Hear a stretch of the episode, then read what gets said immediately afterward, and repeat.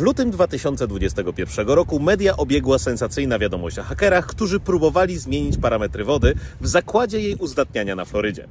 Nic dziwnego, że sprawa odbiła się szerokim echem, bo to niesie ze sobą potencjalnie znacznie większe konsekwencje niż zaatakowanie oprogramowaniem ransomware jakiejś korporacji.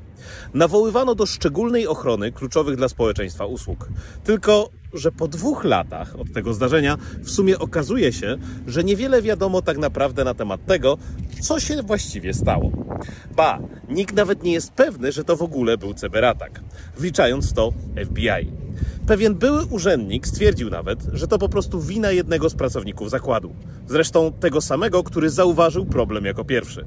To wcale nie oznacza, że powinniśmy ignorować takie zagrożenia, nawet potencjalne, jednak nadmierna panika, jak to zwykle bywa, nie jest smacznym pomysłem. Dobrym pomysłem. Smacznej kawusi!